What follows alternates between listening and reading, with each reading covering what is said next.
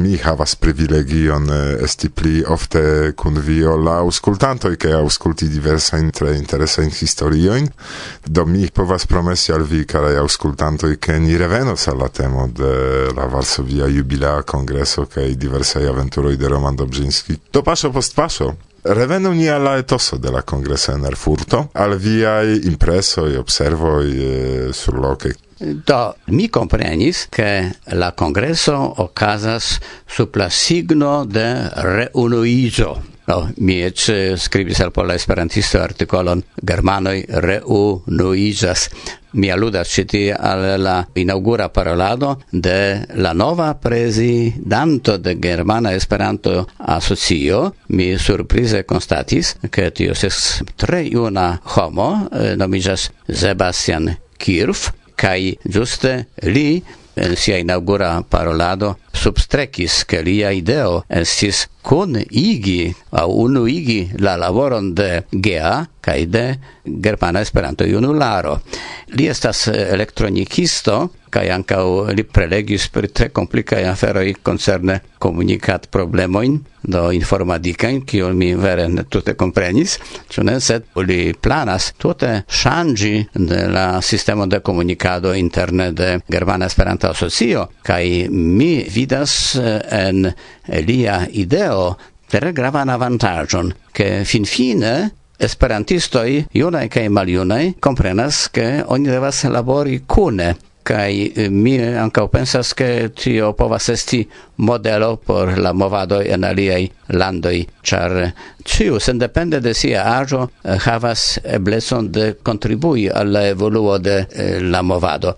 No, mi povas nur ĝoji, kiel homo jam ne sufiĉe juna, che mi vidis multain gaiunuloin dum la congresso en Erfurto. La congresso estis tre riĉa laŭ programa vidpunkto, estis tiel abunda riĉa programo che samtempe prescau ĉiam okazis tri diversai aranjoi, e do kompreneble oni ne povius pardopreni cion, quelca esis tre ege interesaj, kaj mi vere bedauris che mi ne povis. No, esis ancau uh, multa excursoi, cae visitado de la urbo, sed samtempe esis diverse convenoi de Germana Esperanto Asocio prelegoi, exemple, mi auscultis prelegon pri Esperanto urbo Herzberg, kiu vere bonege evoluas, sed eh, aparte interesa la mia opinio estis eh, longa clarigo de la situacio kiu estis en exa Germana Demokratia Respubliko kaj pri la Esperanta movado en tiu epoko parolis pri tio homo kiu plej bone konas la aferon, nome doktoro Detlef Blanke. Eh, vesperai arangioi si tre interesai, con bona biero, tamen esi du salonei, uno nomigas knaipo, kie oni sidis parolis kaj tiel plu, sed eh, estis ankaŭ alia, nomiĝis gufujo, kie estis gufoj, mi diru, do la homoj tre seriozaj, kiu deziris esti en silento, en trankvilo, studi aŭ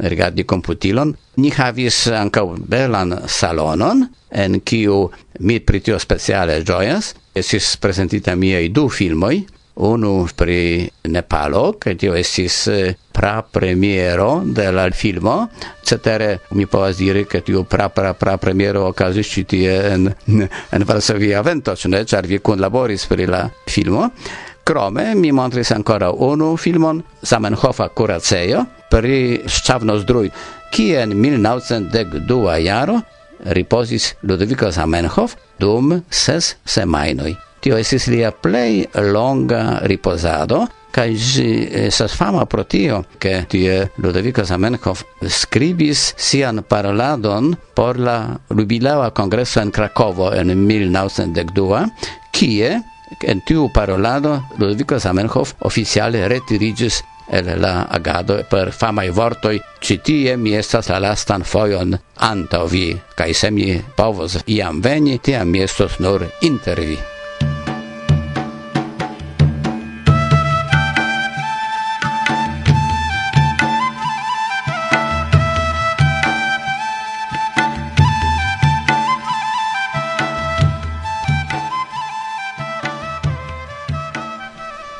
kiam ni interparolis inter ni ĉi tie antaŭ la intervjuo, vi mencis pri klopodoj de libroservo ĝenerale, to tio estas interesa laŭ mi. Eh, ŝajnas al mi, ke tiu libro servo en eh, la Germana Kongreso estis plej granda, kiun mi vidis, eh, escepte de la universalaj kongresoj. Sed ĝenerale mi pensas, ke estas iu krizo, homoj ĉiam malpli aĉetas Junularo generale ne tro multe interesiĝas pri libroj, Tamen mia libro, di Zamenhof Strasse en la germana lingvo, por ke ni optimisme finu, estis suffice multe acetata. To estas generala tendenco, ke oni cesas aceti librojn, ĉar tiujn oni povas trovi en la reto kaj poste legi per elektronikaj legiloj. Do ne nepre homoj havas spacon en hejmo kaj deziron eĉ havi tro multe da libroj. Mm unue libroj kostas due ke okupas lokon do estas generala tendenco ne nur en Esperanto movado ke tio estas ŝanĝo de kulturo ŝanĝo de rigardo al uh, informoj kiuj venas jam de diversaj fontoj ne nur de la libro kiel iam. No jest twi pravas, tiel okazas mi vivas en dudek unua jacento, do fakte mi nur povas eh, danki, mi ne al Dio, ke mi gis vivis tion extraordinaran tempon, en mia vivo, en la vivo de mia generacio, okazis ŝanĝoj multe pli grandaj ol pli frue dum la tuta historio de la homaro. Ne? Ties danko mi memoras eh, la unuaj magnetofonoj bendaj, post estis eh, tiu kaseto bendaj. Do vide, do vi parolas pri magnetofono, kiun malnovaĵo, sed mi memoras, ke mi infano, fakte junulo, mi vidis en vilaĝo, kiam cien Pollando oni dresis eh, grenon per du bastonoj. Do tiel oni dresis ankaŭ antaŭ miliaroj ankaŭ tute same.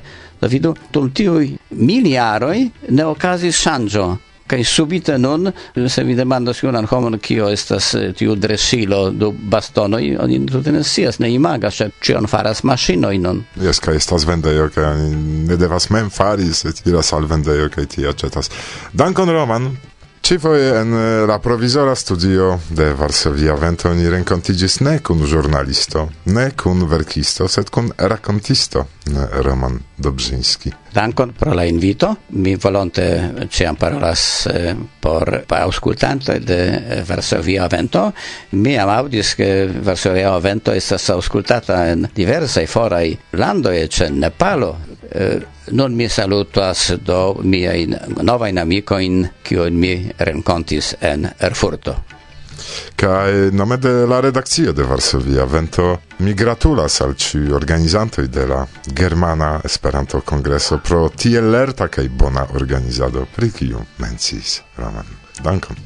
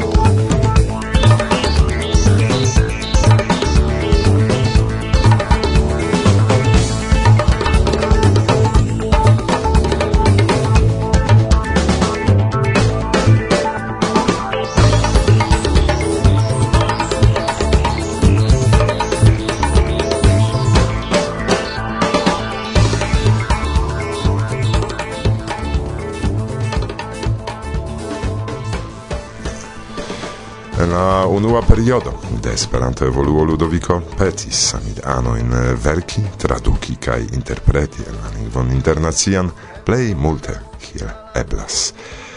Temis antaŭ ĉio pri pliriĉigo de la vortaro ie novaj vortoj ankaŭ pri konstruado de literaturo por doni impulson al komenco de la nova internacia kulturo. Nun post jarcento Kvankam nia vortaro sufiĉe respondas al bezonoj de moderna kaj aktuala, volau mi plu gravas tiu iama alvoko de la maestro, ĉar eh, spite al esperoi de multaj generacioj Esperanto ankoraŭ ne estis akceptita kiel la lingvo universala, do konstruado de nia kulturo dauras, kaj ciu kiu tion kontribuas, sentube laudindas. Do en Varsovia vento nun iam da poezio. Unue tamen bonvolu aŭskulti koncizan prezentadon pri autoro. Mm.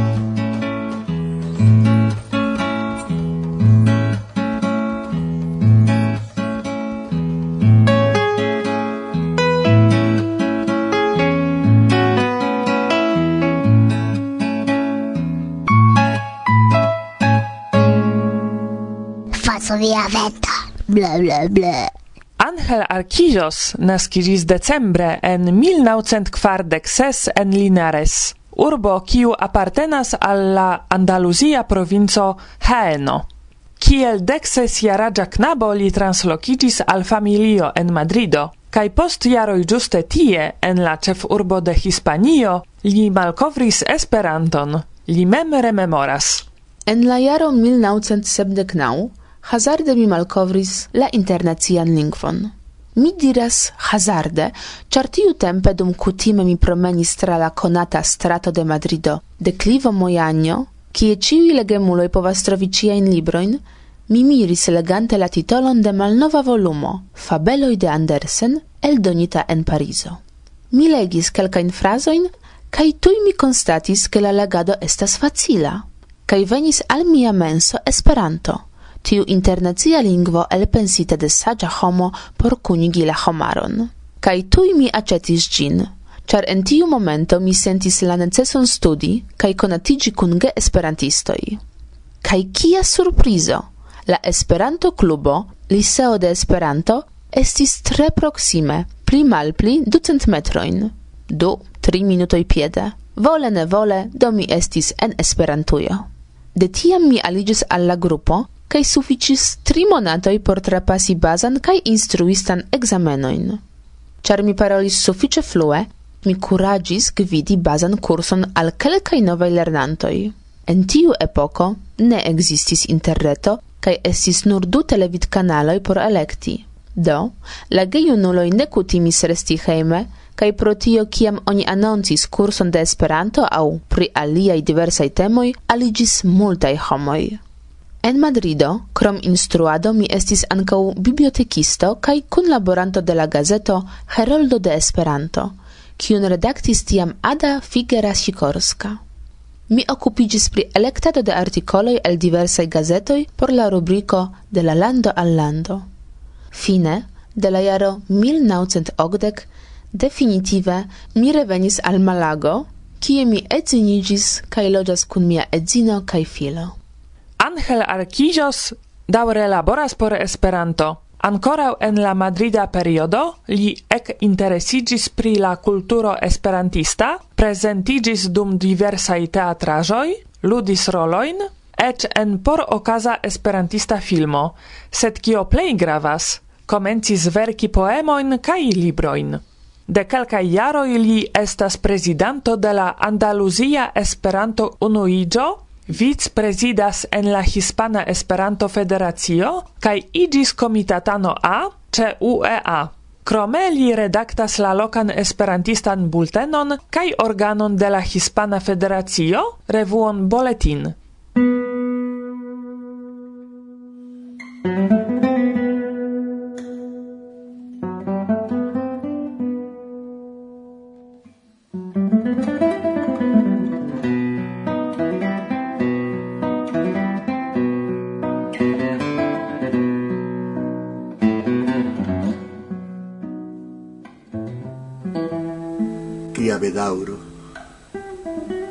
Tia bedauro, mia cara Dio, post sia foriro mi restis en amo, mi vidas cun timo cae melancolio, cae con malespero, pensante che si ne revenos. Laulonge del valo mi triste promenas por trovi la calmo, sed calmo ne venas. Laulonge del sogno mi flugas constante por vidi con tristo, visioin se halte, sen cela in promesoin, cae sur mia corpo fantoma in careso in. Terura bedauro mia cara Dio, pro scia forlaso, si ne pru revenos, cae mi resto sola, gustumante siam, amara veneno.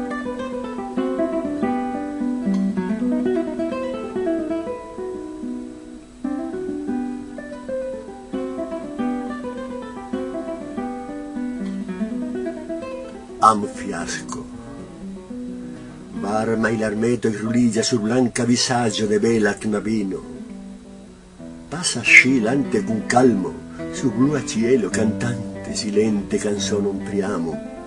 Knabo grazia gentila timide rigardas la inon cae al proximillas. Blanda silento farillas.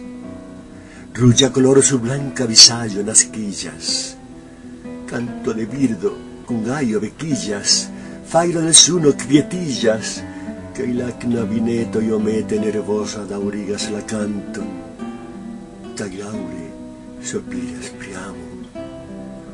Varme, sed calme salutas la knabo kaj ŝi ne respondas, jetante en rigardon al la horizonto. Li ne comprenas la strangan reagon de la belulino, cae subite sentis la vortum fiascon li tenis in firma dum eta momento por fari mediton cae etam pripenson dum la knabineto tre urge forlasis la sante la spero con varmai l'armetri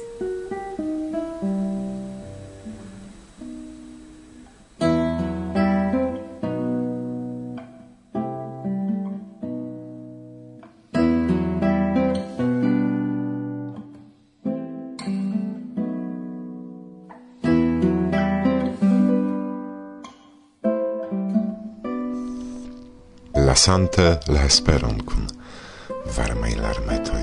Yes. Sed eh, ne lasu ni la esperon, karaj. Neniam. Kaj ĉe la okazo permesu al mi ion eh, flanke aldoni. Dum la lasta elsendoj subite rememorita estis tre bone konata de mi nomo sia tempe tre fama kiel vulkano energia confondintino de la Esperanto redakcio ĉe la Ŝtata Pola Radio kaj longtempa redaktorino de Heroldo de Esperanto, Ada Figera Sikorska, kun kiu ankaŭ mi rilatis kaj amikiĝis. Jen kara Ada do, nur eh, fragmente, kaj rememoren pri tiu sendube nobla personeco, inklude de la unika intervjuo kun ŝi, kiun iam dum nia kuna renkontiĝo mi registris Atentu aŭtune. Kai al tiu congresso venis anca Julio Bagi, konata verkisto kaj tiel nomata Paĉo, cia li esis tie. Ĝuste li esis Paĉo. Exemple, Kalman Kaloĉaj, qui esis multe pli granda poeta li, sed li ne estis tia homo cum coro kiel Paĉo. Li estas mia Esperanta Paĉo, cia li, li fakte ensenis en mian coron la ideon de Esperanto, cia ne, ne la plei grava momento. Ni povas enskribiĝi en la kurson, che poste forlasi sed kiam mi inscribigis, do mi legis en Express ce coja strato estas en ce coja ancora estis la asocio, pos poste ce jasno, poste ce noviciata ancora poste. Kaj mi iris kaj mi inscribigis la kurson. Kaj mia kutima, ĉar mi estas bonŝanca multe en la vivo, ankaŭ tie estis mi bonŝanculino, ĉar mi faris en la kurson de Julio Bagi. Kiam mi rakontas tion al aliaj esperantistoj en la mondo, ĉi diris: "Oh, Julio Bagi, kompreneble, si grandega persono, kai grandega spertulo en la instruado de tia metodo, ĉar li estis ankaŭ profesia aktoro, instruisto kaj aktoro, kaj liaj kursoj estis vere bonegaj. Se mi ne povis iri, al tiu kurso mi ploris.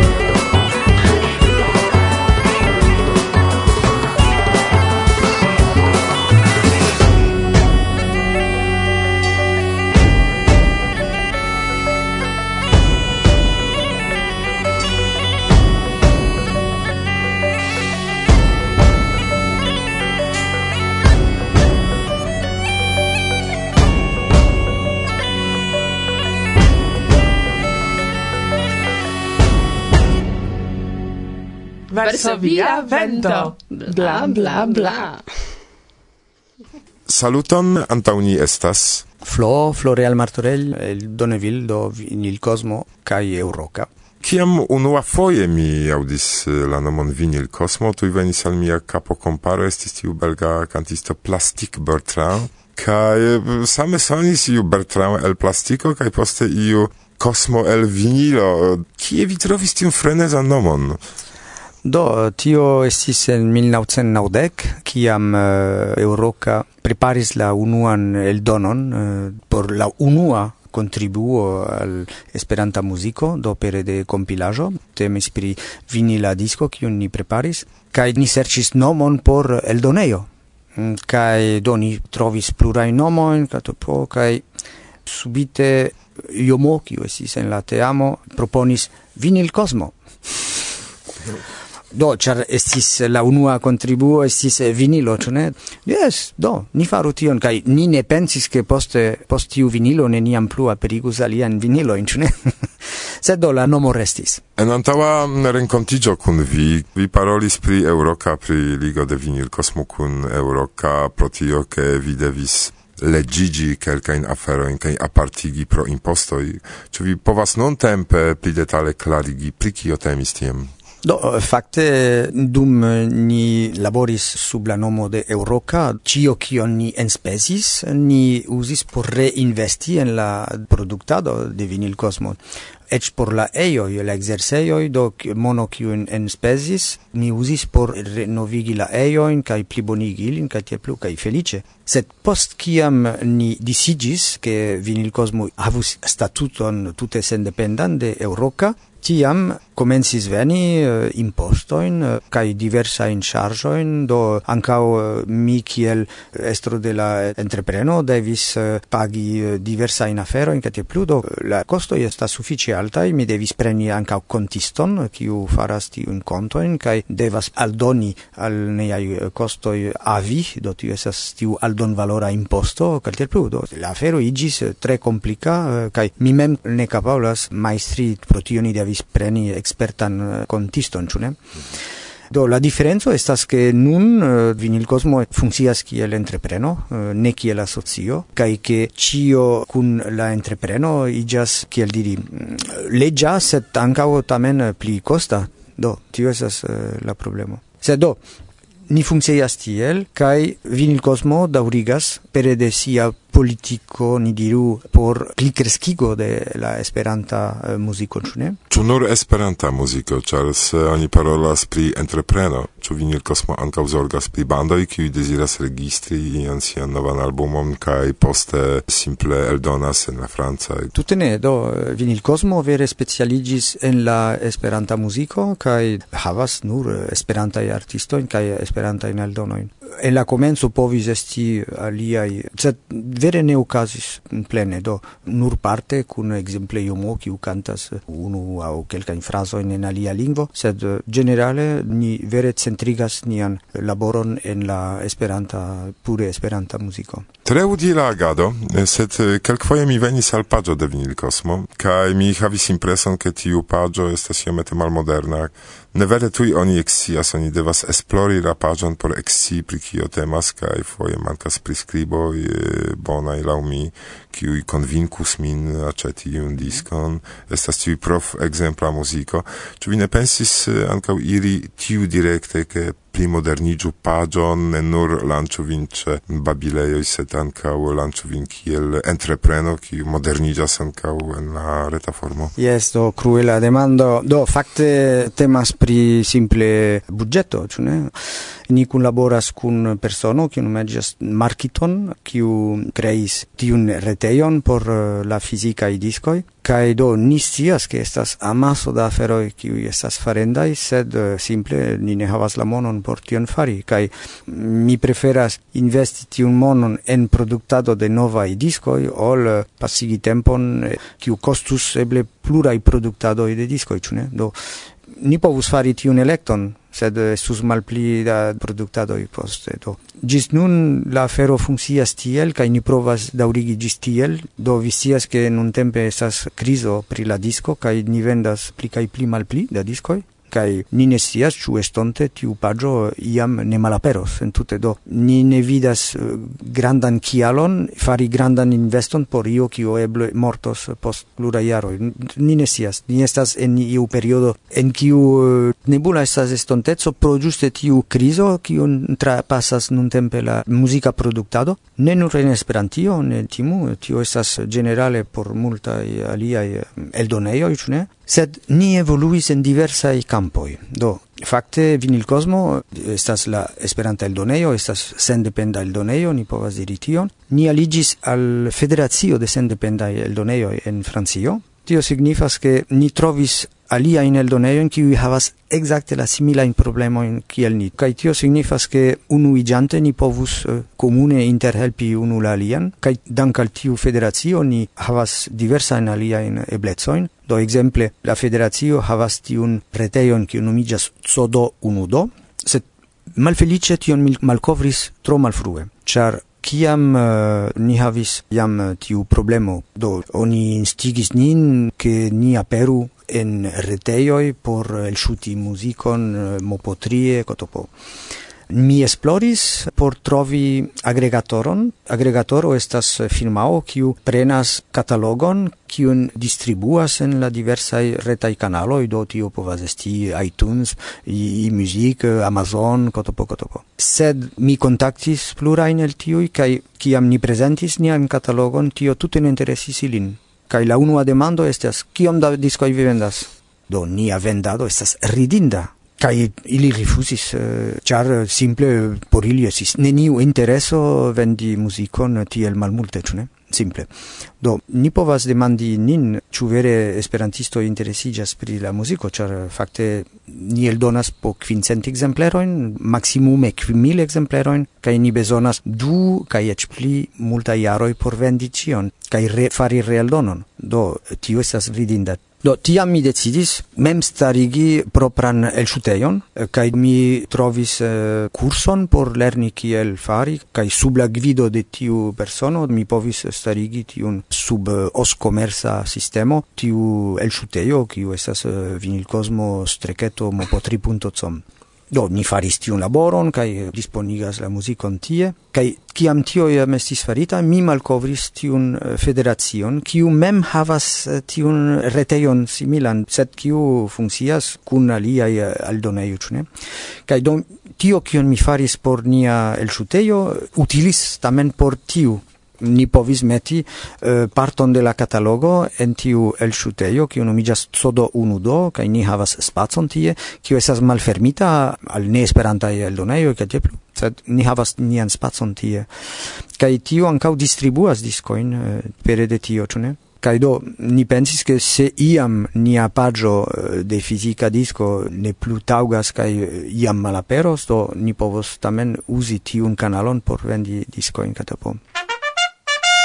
Reclamo. Vi bilea torto. Su vi interesiĝas? Venu al dudecina ioso, Ungario, fine de julio. Vavo, vavo, vavo, punto, ioso, punto.